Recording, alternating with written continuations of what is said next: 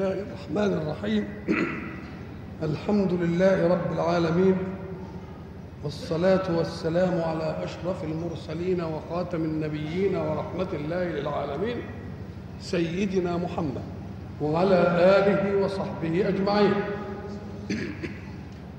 وبعد فقد وقفنا في اللقاء السابق عند قول الحق سبحانه أعوذ بالله من الشيطان الرجيم.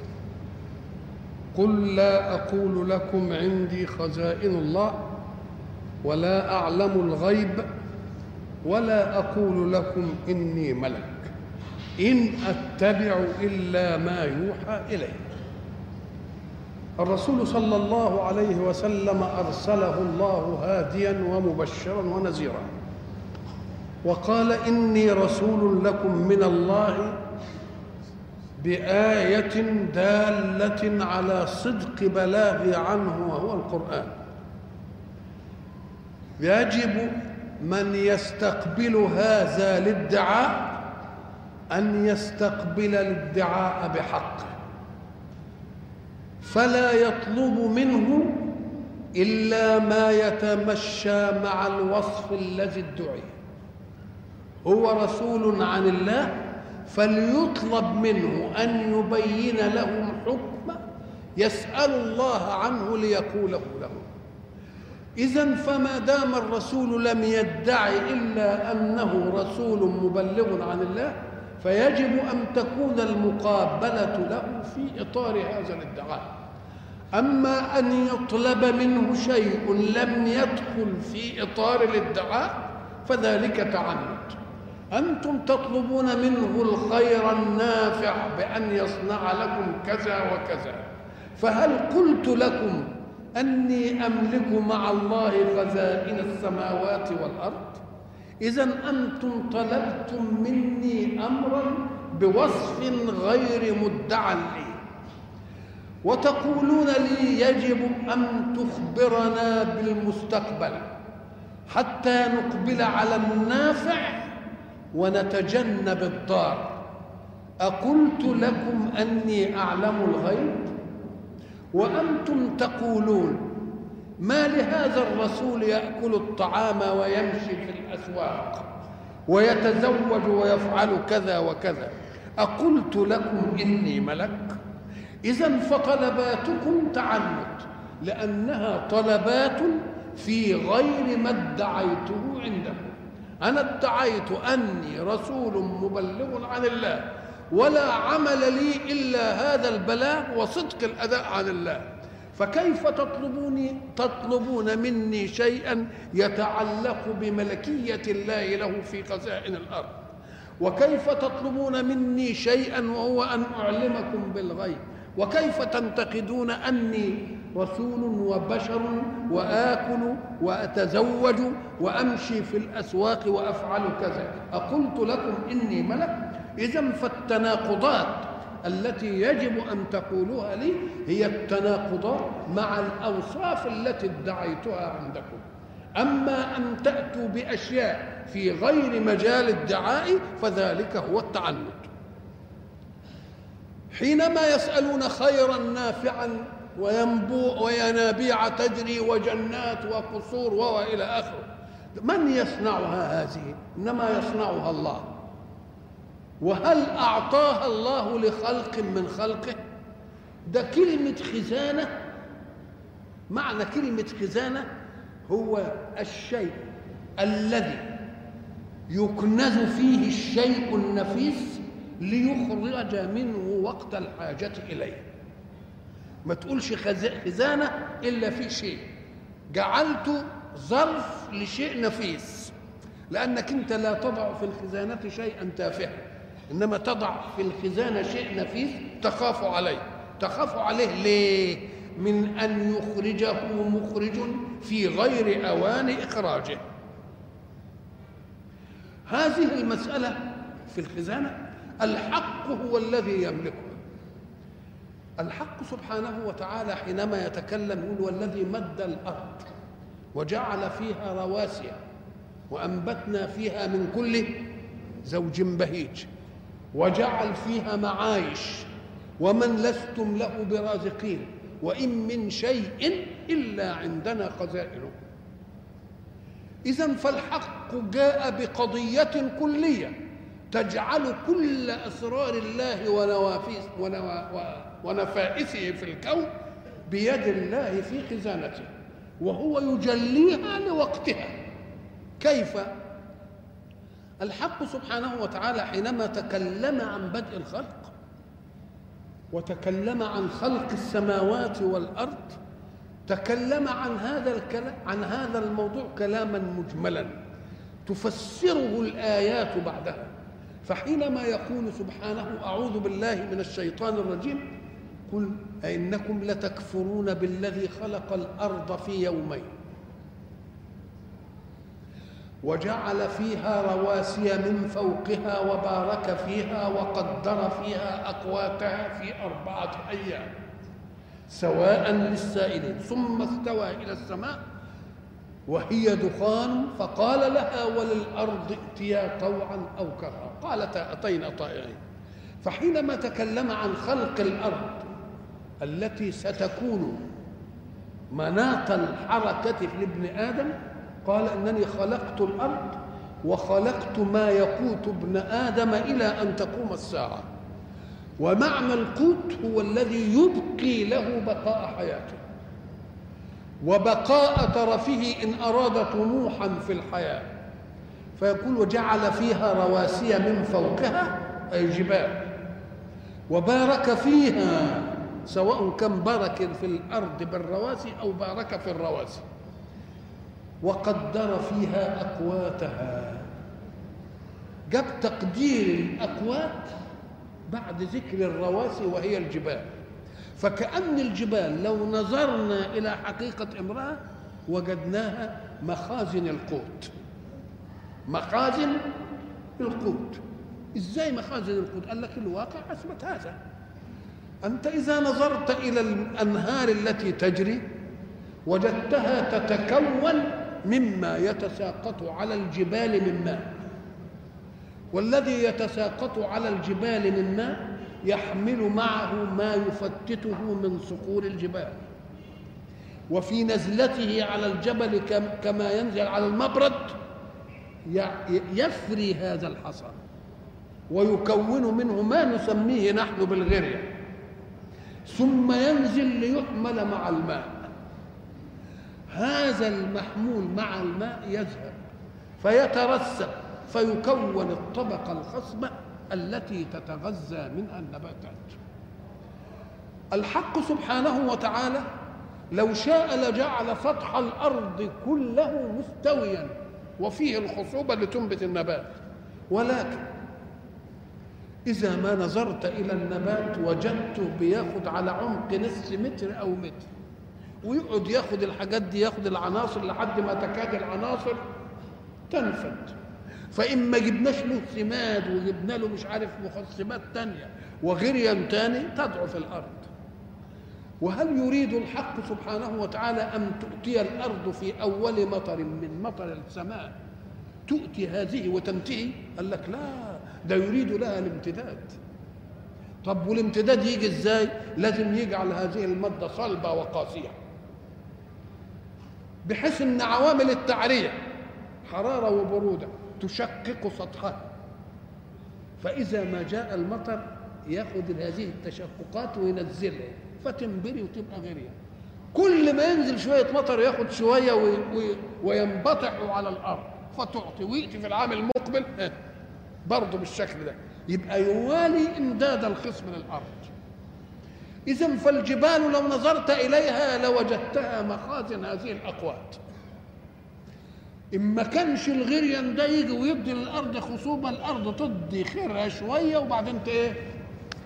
وبعدين تكتب لكن بس هي خيرات الله المخزونة في الأرض هي خصم للزرع نقوم نقول له هل مقومات الحياة زرع فقط؟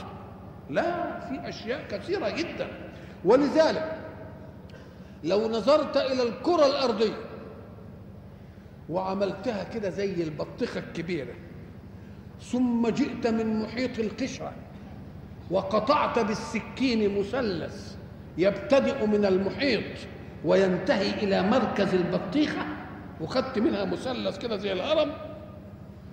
ثم جئت فأخذت مثلثا آخر من أي نحو سواء كان في أرض خصبة سواء كان في في بحر سواء كان في جبل سواء كان في وديان وصحاري. لو نظرت إلى الخير المطمور في كل جزء من هذه الأجزاء لوجدته مساويا للجزء الآخر. ليه؟ لأن الحياة بس مش عايزة مش عايزة قوت. أهو دلوقتي تبين اننا بنعوز حديد وبنعوز منجنيز وبنعوز فسفور وبنعوز كذا وبنعوز كذا. وبعدين نجده في الجبال البترول بنجده في الصحاري. الله! القطع الأرض كلها فيها إيه؟ مطمور فيها خير الله الذي يحتاج إليه خلق الله. ولكن كل خير من ده له ميعاد وله ميلاد.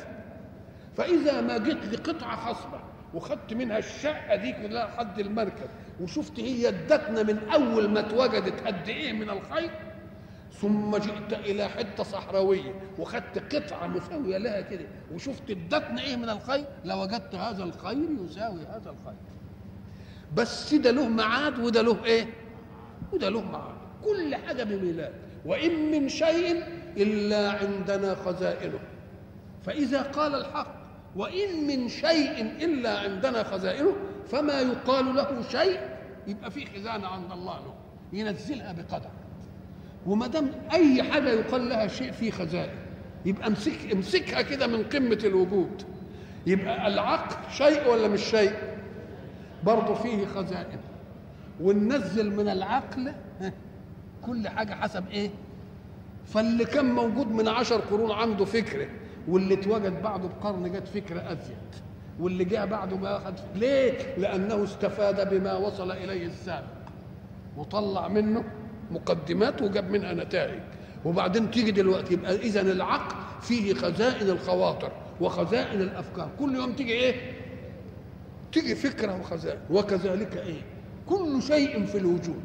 إن من شيء إلا عندنا خزائنه وما ننزله إلا بقدر معلوم. حين ينزله الله بقدر معلوم يبقى لكل رزق في الخزائن ميلاد. الميلاد ده يجي إمتى؟ ساعة يريد الحق أن يظهر ذلك الميلاد. ما كنا مثلا الوقود بنعمل الخش الحطب من الشجر ونولعه. مش كده؟ وبعدين بيبقى عندنا شجر وبعدين مثلا يجي في وقت ما عندناش الشجر نفسه يقول لك الفائض عندك من شجر الأمس احرقه وخليه فحم وابقى اعمل منه إيه؟ وقود تاني. يوم ما تلاقيش شجر تقوم تلاقي إيه؟ وبعدين لما جه الفحم النباتي برضه التفتنا لقينا جه فحم إيه؟ حجري مكتوب وبعدين خست شوية وجه إيه تالت للطاقة. الله. مثلا بترول. كل يوم يجي لنا إيه؟ طيب ما دام دي خير في الأرض ما طلعش ليه في الأول؟ قال لك لا أعطى في الكون على مقدار استعداد استقبال الخلق لخيرات الله. وسيظل عطاء الله إلى أن تقوم الإيه؟ الساعة. كل ما يجي إيه؟ تجي لنا حاجة يجي عصر البخار وبعدين جه عصر مين؟ وبعدين عصر الكهرباء وبعدين جه عصر إيه؟ وبعدين جه عصر الذرة. الله دي ميلادات لخير الله ولا لا؟ أين كانت؟ إنها في خزانة الله. يقوم ربنا ينزل على أي خاطر من الخواطر فكرة ويطلعها يقوم وده يطلع من دي وده يطلع من دي واللاحق يأخذ خير السابق ويبني عليه. ما دام هياخد خير السابق ويبني عليه يبقى الخير ينمو ولا ما ينموش؟ يبقى الخير ينمو. وإن من شيء إلا عندنا خزائنه. هذه الخزائن اما أن يكون المطمور فيها الأشياء يعني مثلا ما اكتشفش الراديوم إلا أخيرا. أيام مدام كوري ما وبعدين الراديوم قعد يؤدي مهمة الآن هو كان في خزانة الخلق خلاص؟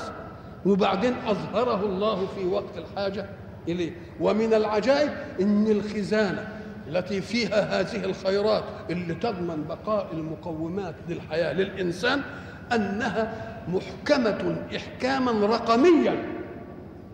يعني إيه احكام رقمي تجد العنصر ده ذرات الأكسجين فيه واحد وده الثاني وده ثلاثة وده أربعة وده خمسة وده ستة وده سبعة. مثلا الراديوم كانت الخانة بتاعته فاضية. ومش عارفين هي إيه إلى أن اكتشفوا فوجدوا الرقم بتاعها فاسقطوها لما تشوف مع جدول مندليف تقوم تجدهم أسقطوها. اذا مسألة العناصر معمولة بإيه؟ بحكمة.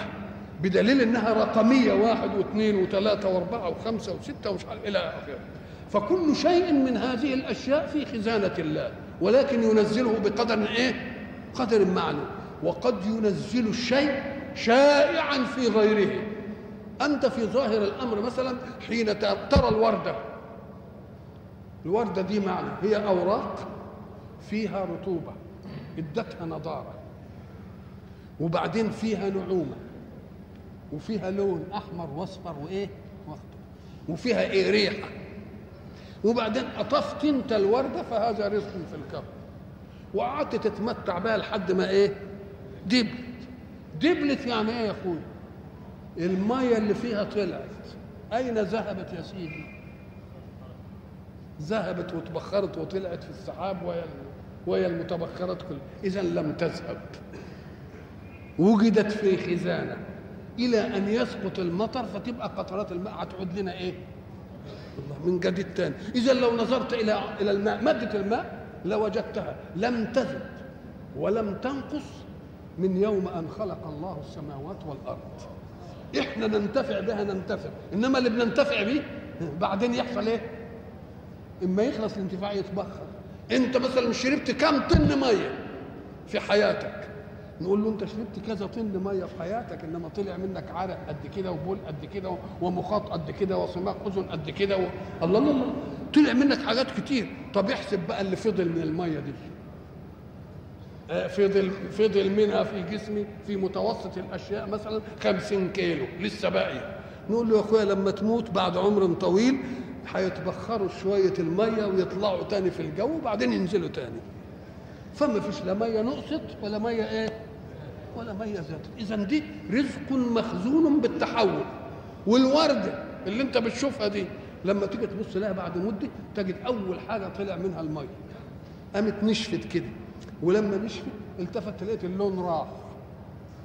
طيب المية طلعت في الجو. واللون ذهب اسيريا في الجو. طب أدي اللون والريحة. برضو اتبخرت إشعاع في الجو. وبعدين قال لك هتنزرع شجره ورد ساعة ما تعوز برضه لون هتاخد من الألوان المخزونه هات اللون. ودي خد اللون ودي خد. وبعدين تطلع ورده ثانية وهكذا تتعمل إيه؟ تتعمل دورة. فإما مخزون بذاته وإما مخزون بعناصره المحولة إلى إيه؟ إلى غيره. وكل الوجود بهذا الشكل. وحركة الحياة بين الاثنين. حركة الحياة كلها بين إيه؟ أن الإنسان مثلا أهو الإنسان يجي مثلا لحم ودم ومش عارف إيه وبتاع وحاجات زي دي. والبهيمة لحم ودم وأشياء نقوم نقول له برضه هتصير إلى هذا. وبعدين لما يموت تبقى شوية تراب والتراب يتحول إلى عناصر في الأرض والعناصر تدي إيه دورة ثانية اللي ياخد حيوان ياخد واللي ياخد إنسان ياخد واللي ياخد نبات ياخد. اذا خزائن ولا مش خزائن؟ يبقى إما خزائن محولة وإما خزائن محافظة. فالشيء الذي نستنبطه وهو بحاله يبقى خزائن حافظة. والشيء اللي يدور في الغير ويرجع ويتفتت وإلى آخره وبعدين يعود إلى الأصل تبقى خزائن إيه؟ خزائن محولة والحق سبحانه وتعالى يحكي هذه المسألة ليعلمنا أن الحق بكونه يملك الخزائن في الأرض رحمة بخلقه ليه؟ لأن الحق لو ملك خزائن الأرض لبشر لاستعلى البشر على البشر فضمن الأمر بأن أبقى الخزائن عنده ولم يعطها حتى لرسول. ليه؟ اما قال لك لأن الرسول برضه أخو بشر أخو البشر إنما ده رب البشر. رب مين؟ رب البشر. فأبقى الخزائن في مين؟ في يد. ولذلك بيطمنا بيقول اطمئنوا على أن الخزائن في إيدي أنا. وإيدي اللي مش هينتفع بما في الخزائن. طب ما دام اللي في اللي ماسك الخزائن مش هينتفع باللي فيه هيديها لمصلحتنا. إنما لو كان اللي في إيده الخزائن ممن ينتفع؟ يدي لنفسه أكتر يدي لحبايبه أكتر. إنما ده اللي في إيده الخزائن مش منتفع بما في الخزائن لأن ما في الخزائن من قدرته كان. اللي في الخزائن بقدرة مين؟ إيه؟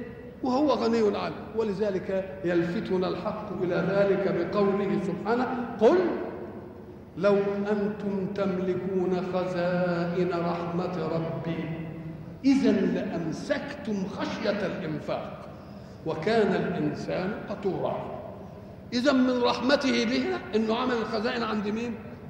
والرسول لم يدعها فحين تطلبون منه شيئا في خزائن الله يبقوا طلبتم منه بوصف غير مدع له.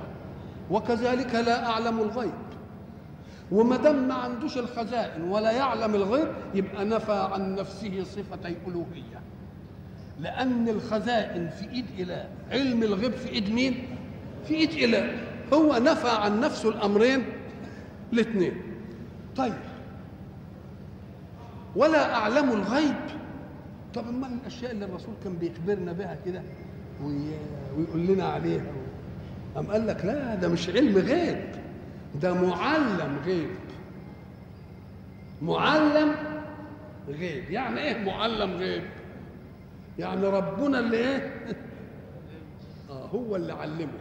ولذلك قال لهم قل لهم وما كنت بجانب الغربي إذ قضينا إلى موسى الأمر. وما كنت من الشاهد. وما كنت ثاويا في أهل مدينة. وما كنت لديهم إذ يلقون أقلامهم أيهم يكفل مريم وما كنت لديهم إذ يختصمون. إذا من اللي قال لك على هذه الأشياء؟ يبقى ربنا يبقى حين يقولها رسول الله أيكون علم غيب أو معلم غيب؟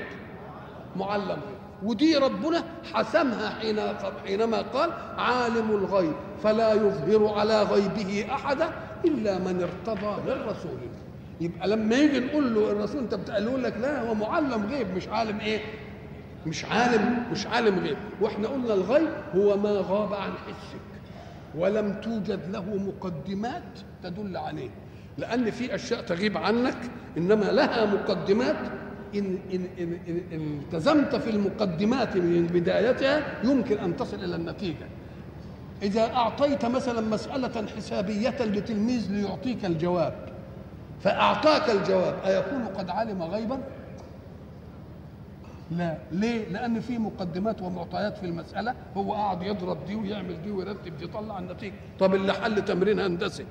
طب اللي حل لغز من الألغاز؟ يقال إنه علم غيب؟ لا. ده استعمل مقدمات ورتبها واستنبط إيه؟ واستنبط من الذين اكتشفوا أسرار في الوجود. أعلموا غيبا؟ لا. ده اكتشفوا شيئا موجودا في الكون بمقدمات. لما استعملوها طلعت النتيجة. فلما طلعت النتيجة هي كانت غايبة عنا صحيح. إنما المقدمات موجودة ولا مش موجودة؟ مقدمات موجودة. اللي زي ما قلنا الذي برهن على النظرية المئة كيف برهن عليها؟ مسك النظرية وشاف المعطيات إيه؟ وطلع منها المطلوب وجاب البرهان. طيب ال ال ال لما جاب البرهان استعمل إيه؟ قال لك استعمل مقدمات. إيه المقدمات؟ قال لك استعمل مثلا نظرية 90 وبتاع نظرية 90 استدل بنظرية طب و80 70 وبتاع 70 سلسلها بقى كده لحد ما راح لنظرية إيه؟ واحد.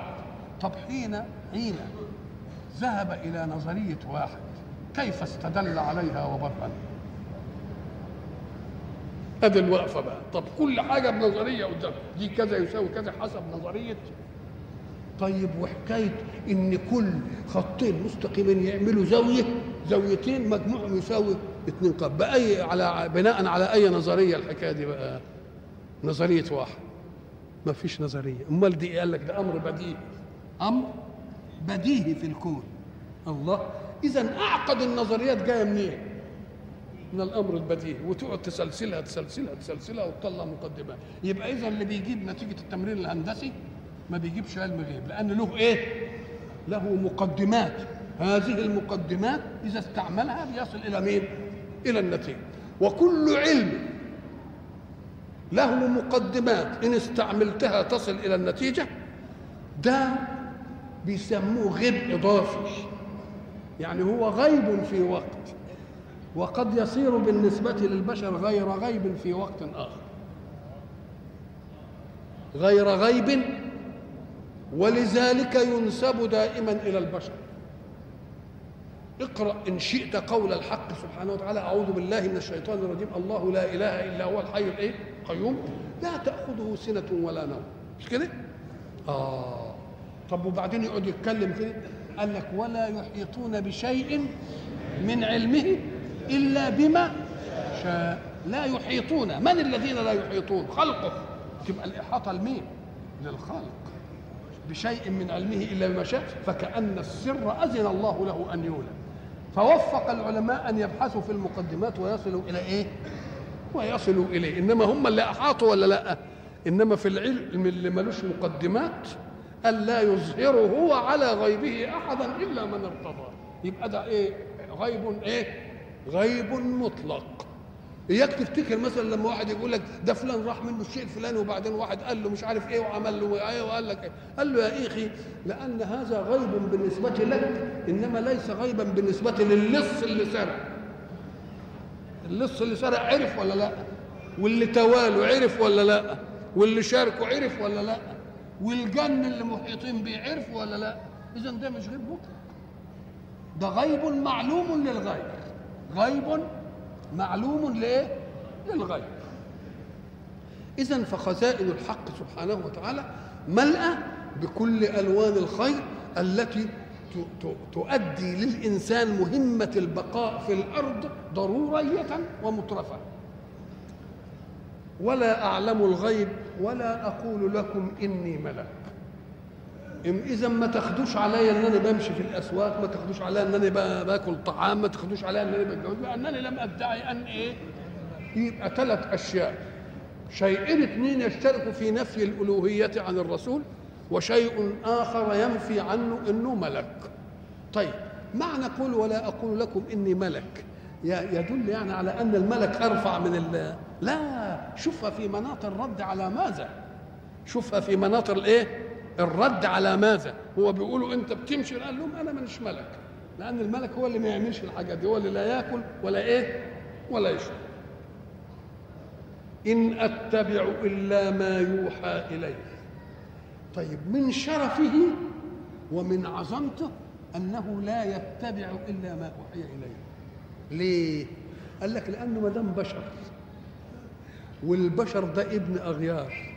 ويعلم شيئا ويجهل شيئا. يبقى من مصلحتكم أنتم إنه يكون متبع ولا مبتدع؟ مبتدع هيجيب لي أفكار بشر لكن متبع يجيب أفكار مين؟ أفكار الخالق اللي إيه اللي ما لا ينالها إيه؟ لا ينالها تغيير ولا تبديل.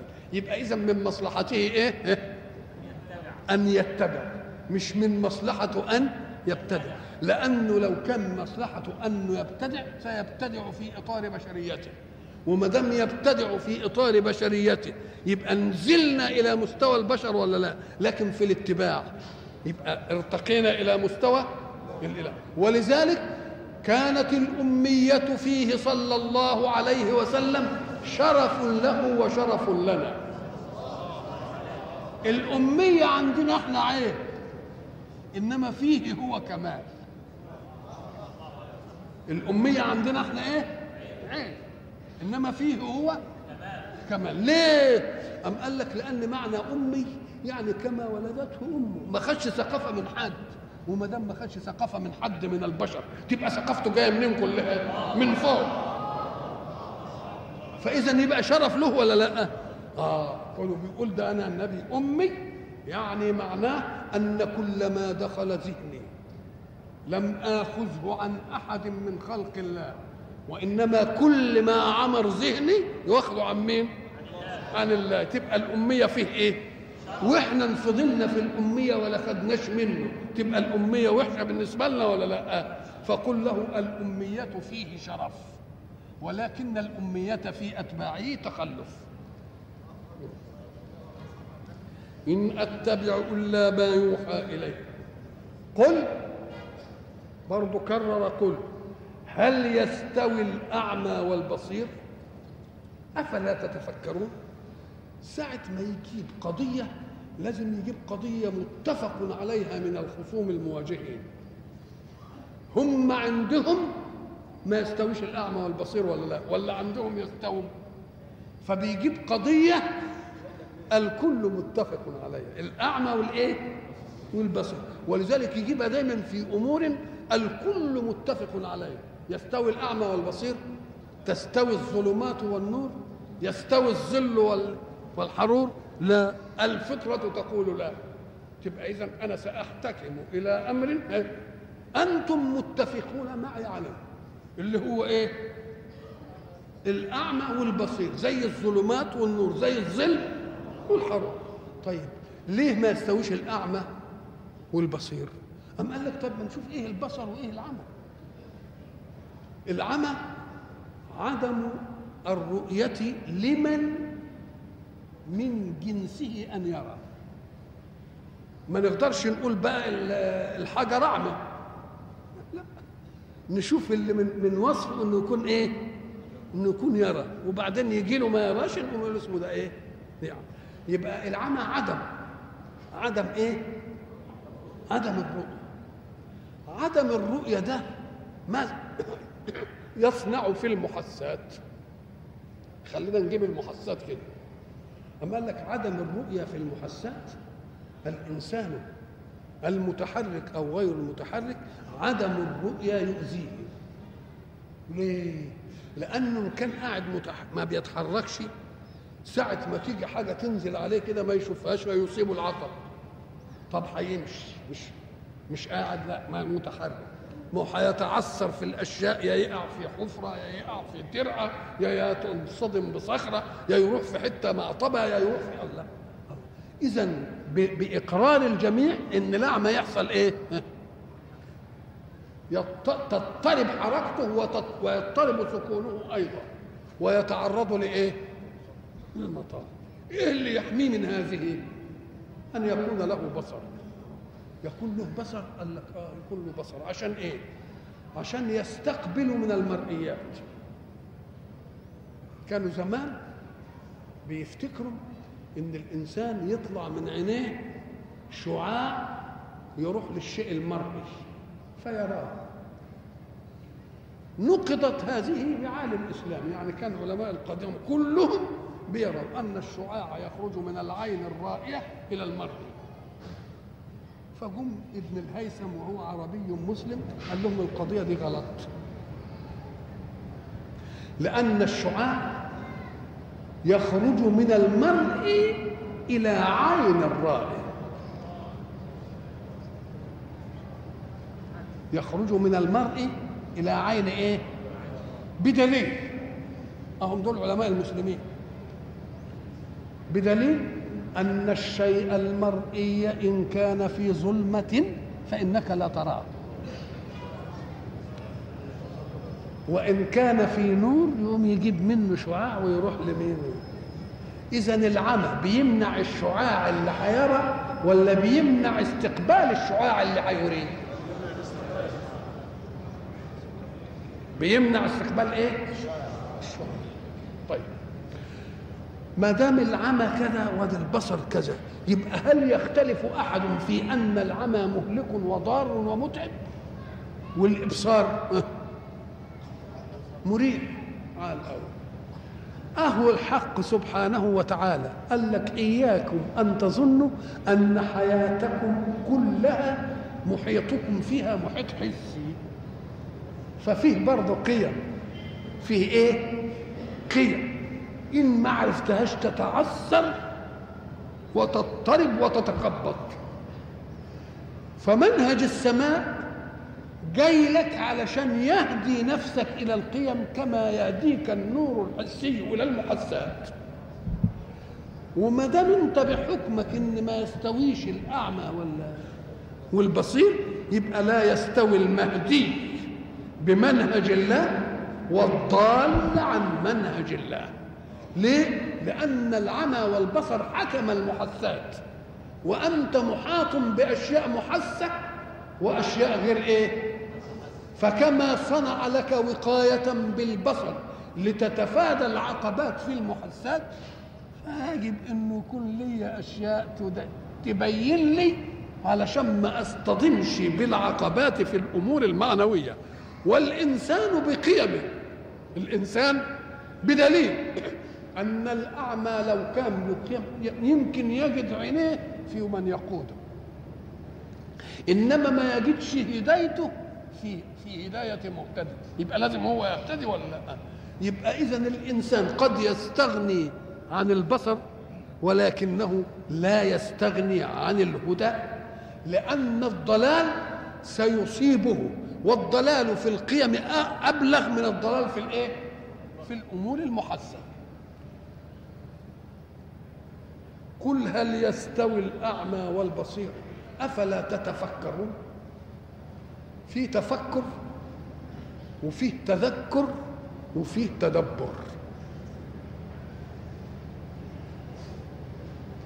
التفكر شغل العقل ابتداء بأمر له ظاهر ويريد أن تستنبط منه شيء. فكر في الحكاية لما يجي واحد يقول لك لا أنا مش موافق عليك تقول له فكر فيها شوية. يعني إيه فكر فيه يعني أدر عقلك في كل ما يتعرض لهذا الأمر وأنا واثق أنك إن فكرت فيه فستهتدي إلى ما أقوله لك. مش هاخد رأيك دلوقتي. فكر فيها الليلة فكر فيها الأسبوع دي. الله كأنك واثق من أنه لو فكر وأدار عملية فكره هينتهي. طيب.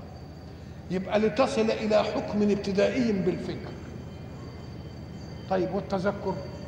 التذكر يكون عندك حكم وانتهيت منه بالفكر ولكنك نسيته. ولذلك تقول له يا أخي افتكر الموضوع الفلاني يقول لك خلاص يبقى التذكر أن يلتفت الذهن إلى أمر انتهي منه فكريا. الفكر لسه هيجيب حكم أولي والتذكر يجيب إيه؟ حكم كان معلوما لك ولكنك غفلت عنه. والتدبر. أم قال لك التدبر؟ إنك أنت ما تنظرش إلى واجهات الأشياء ولكن انظر إلى أقفاء الأشياء إلى الدبر. أفلا يتدبرون الإنسان له وجه وله إيه؟ دبر. يقول لك ما تنظرش للواجهه دي. بل انظر لإيه؟ فكل حاجة لها واجهة ولها معميات في الآخر. فاذا التفكر أن تشغل عقلك وفكرك في أن تصل إلى فكرة ناضجة تقربك من الحق. تذكر مش هتجيب الفكرة جديدة لا أنت جبتها بس إيه؟ مشاعر الحياة أنستك. التدبر أن تنظر إلى إيه؟ إلى أعقاب الأشياء وأقفائها ولا تكتفي بأن تنظر إلى إيه؟ إلى وجهاتها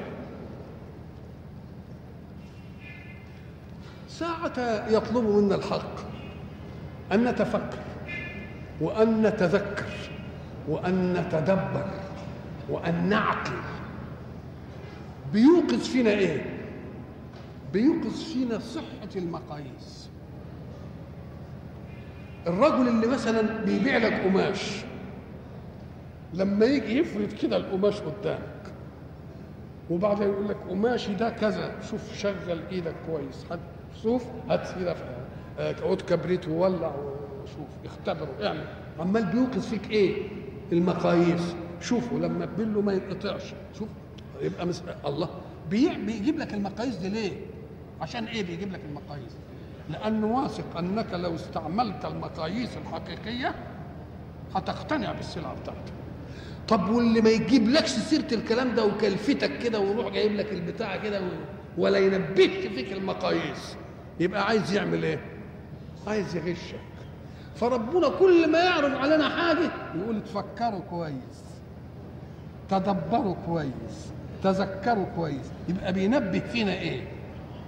يبقى ما دام بينبه فينا المقاييس فكأن المقاييس حين تنبه ثقة من المنبه. أنك لو أعملت المقاييس الحقيقية ستصل إلى المطلوب الذي يريده الله. ولا يمكن أن تضل عنه إلا إذا أهملت إيه؟ المقاييس الإيه؟ الحقيقية.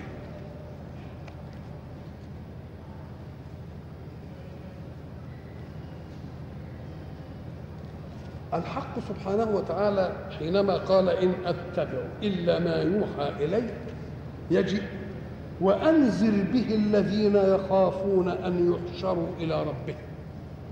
أنذر به. انذر بإيه؟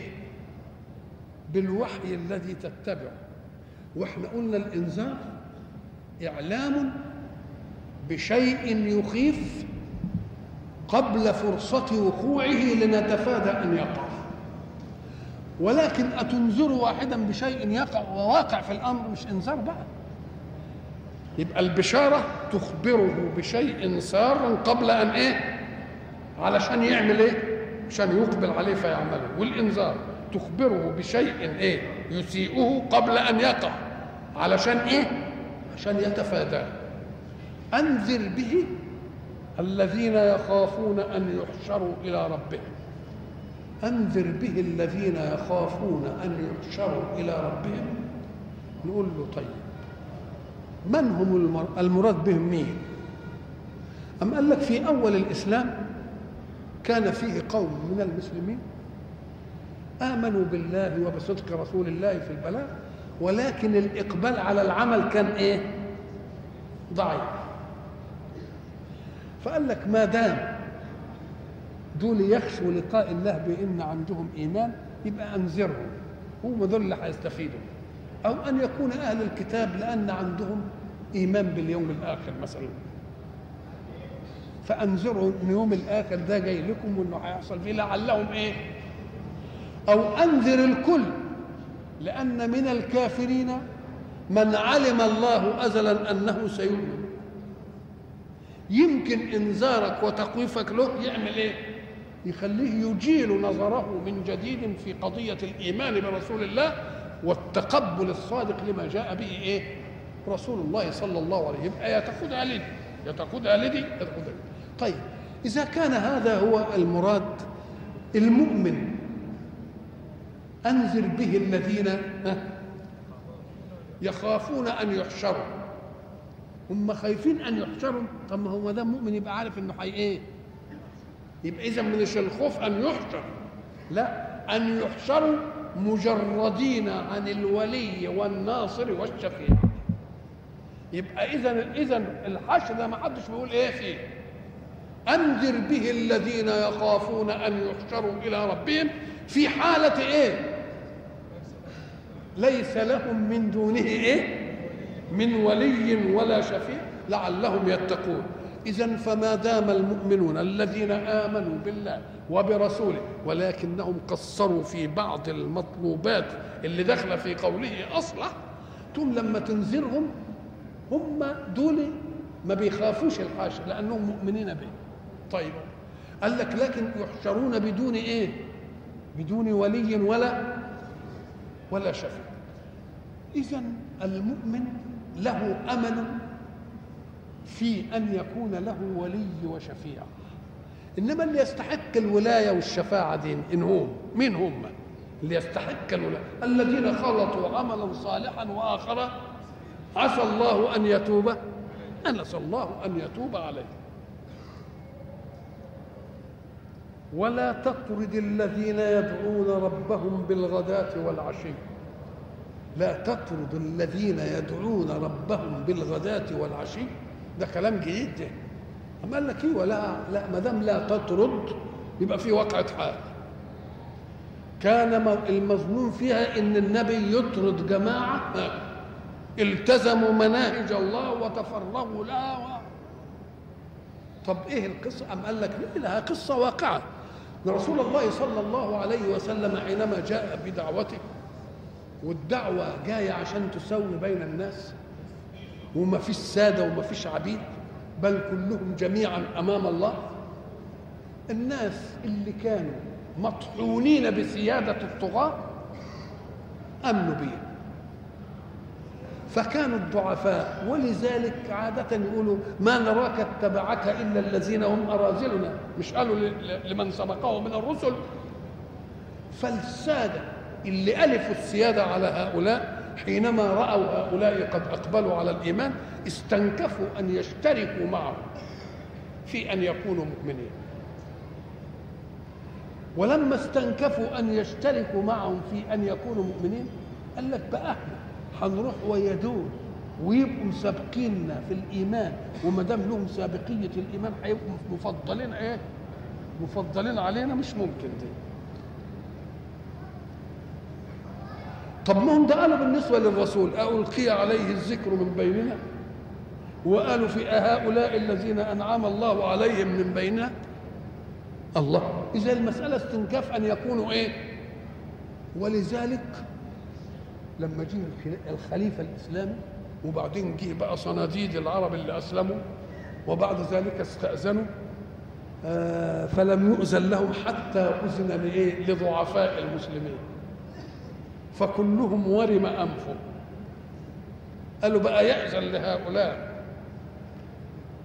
ويسيبنا إحنا طب ما إحنا كلنا اشتركنا وبقينا مسلمين.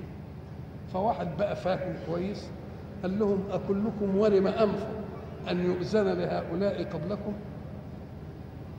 لقد دعوا فأجابوا ودعيتم فتباطأتم. فكيف بكم إذا دعوا إلى دخول الجنة وأبطأ بكم؟ إذا كان دي مسألة كلتكم قوي أمال هتيجوا يوم القيامة لما السابقين السابقين وبعدين تعرفوا أنتوا هذا الموقف. لا لازم تعرفوا إن ما دام سابقين لازم ياخدوا حظهم في الإيه؟ في الأسبقين. فلكنهم قالوا للرسول ابعد دول عنك عشان نقعد وياك. قال لهم وما أنا بطارد المؤمنين. قالوا له طيب ساعة ما نيجي لك شاور لهم يقوموا وبعدين بعد ما يمشوا إحنا نقعد ولما تحب إنهم يجوا نقوم إحنا وهم يجوا وبعد ذلك تشاور رسول الله في الأمر وإلى لقاء آخر إن شاء الله.